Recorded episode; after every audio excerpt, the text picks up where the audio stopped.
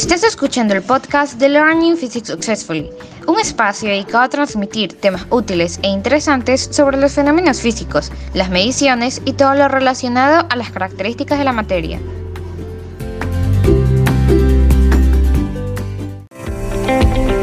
Bienvenidos a todos, brillantes amigos y amigas.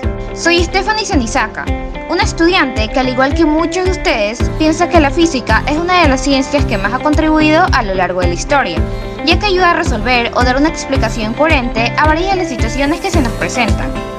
Un claro ejemplo de ello son los vectores, los cuales se aplican de diferentes formas en nuestro diario vivir, así que es importante aprender a graficarlos. En el episodio anterior vimos cómo graficar coordenadas cartesianas, que era una de las dos formas de representación de los vectores, por lo que el día de hoy aprenderemos a cómo graficar vectores en coordenadas polares utilizando la herramienta de FET Colorado, y además les daré a conocer una aplicación práctica de su uso. Claro que no sin antes agradecerles por ser partícipes de este podcast, pero ahora sí, comencemos. Primero que todo, debemos de ingresar a la plataforma, y hay dos formas para hacerlo. Si poseen el enlace de la página, lo pueden copiar y pegar en el navegador, o en el caso que no sea así, deben de seguir los siguientes pasos. En el buscador del navegador escribiremos FED Colorado. Una vez hecho esto, daremos clic en el primer enlace, el cual nos llevará directamente a la página. Apenas ingresemos, veremos una bienvenida y las materias en las que están distribuidas las simulaciones. En este caso, elegiremos la asignatura de física, la cual se encuentra dentro de un círculo rosado. A continuación, aparecerán todos los filtros presentes en esta sección y escogeremos el que tiene por nombre adición de vectores. Una vez realizado esto, daremos clic en el cuadro con el símbolo play y apenas termine de cargar aparecerán cuatro opciones de exploración. Nosotros seleccionaremos la segunda, llamada Explorar en 2D. Bien, si han seguido estos pasos tal y como se indican, seguramente se encuentran dentro de la simulación.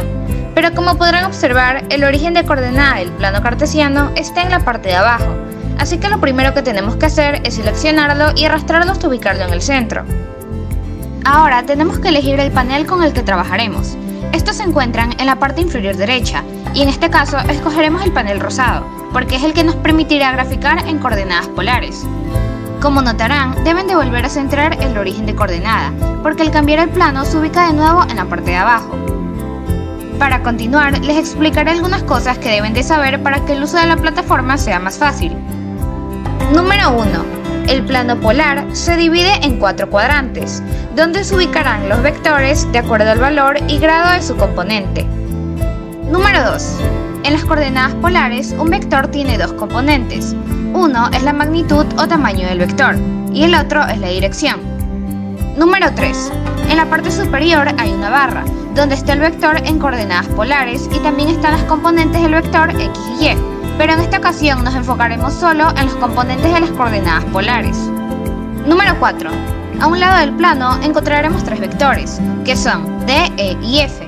Estos siempre se nombran con una letra del alfabeto. Seleccionamos uno de los vectores con clic izquierdo, lo arrastramos al plano, hacemos que coincida con el origen de coordenada y graficamos de acuerdo a las coordenadas que se pidan. Solo con arrastrar el vector desde la punta de la saeta se pueden modificar sus cantidades. Número 5. En la parte superior derecha hay un panel, donde hay cuatro opciones, que son suma, valores, ángulo y cuadrícula. En este caso debemos asegurarnos de marcar la opción de cuadrícula, la de valores y la de ángulos, para que así podamos ver la magnitud y ángulo de inclinación del vector. Número 6. Luego de que hayan graficado un vector en coordenadas polares y vayan a dibujar otro, deben de borrar el primero para evitar confusión.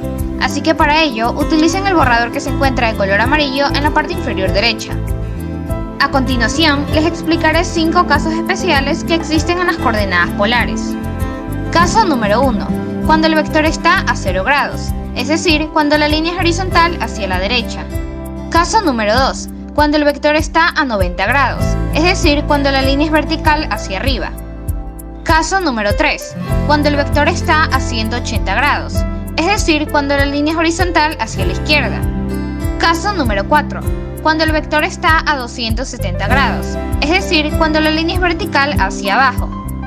Caso número 5, cuando el vector está a 360 grados, es decir, que el vector ha dado la vuelta completa empezando desde cero y regresando al mismo punto.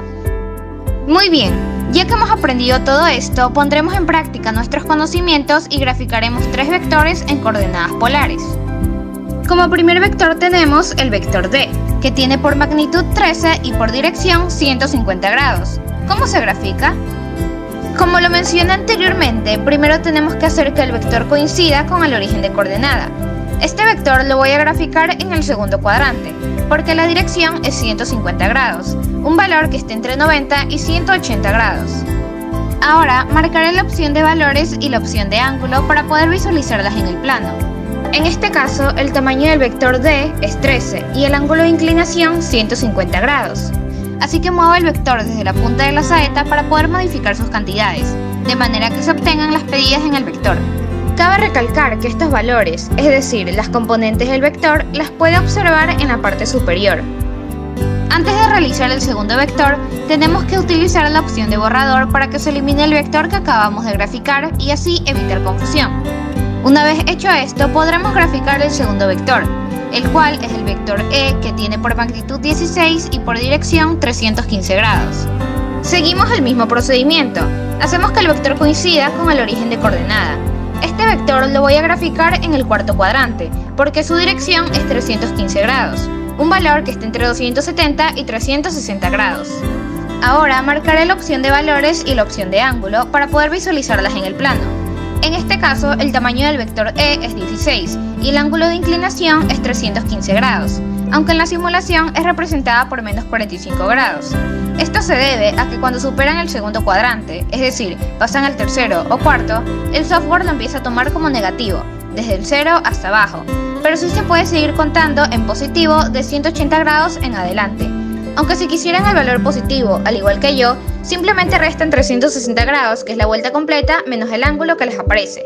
Por ejemplo, al restar 360 grados menos 45 grados, obtuve 315 grados, que sería el ángulo de inclinación en positivo. Cabe recalcar que estos valores, es decir, las componentes del vector, las puede observar en la parte superior.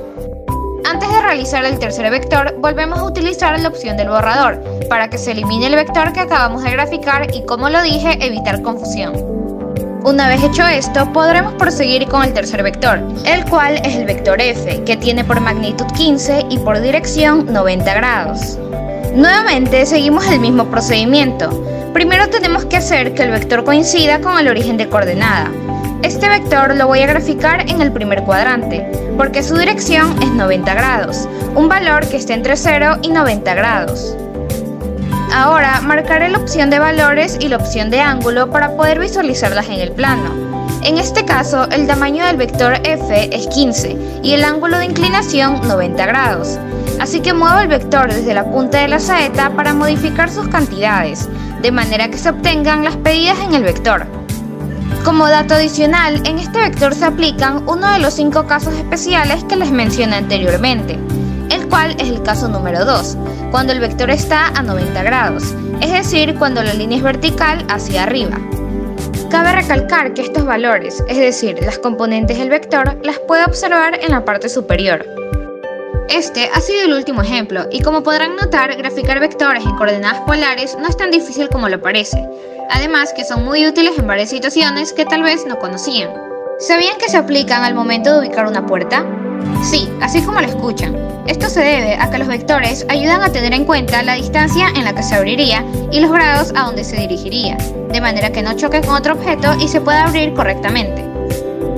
Con esta explicación he concluido y antes de despedirme quiero hacer énfasis en algo. Como pudieran escuchar, los vectores están presentes incluso en las cosas más simples, por lo que debemos ser conscientes de ello y hacer preguntas si aún tenemos ciertas dudas, porque como Albert Einstein dijo, lo importante es no dejar de cuestionar, la curiosidad tiene su propia razón de existir.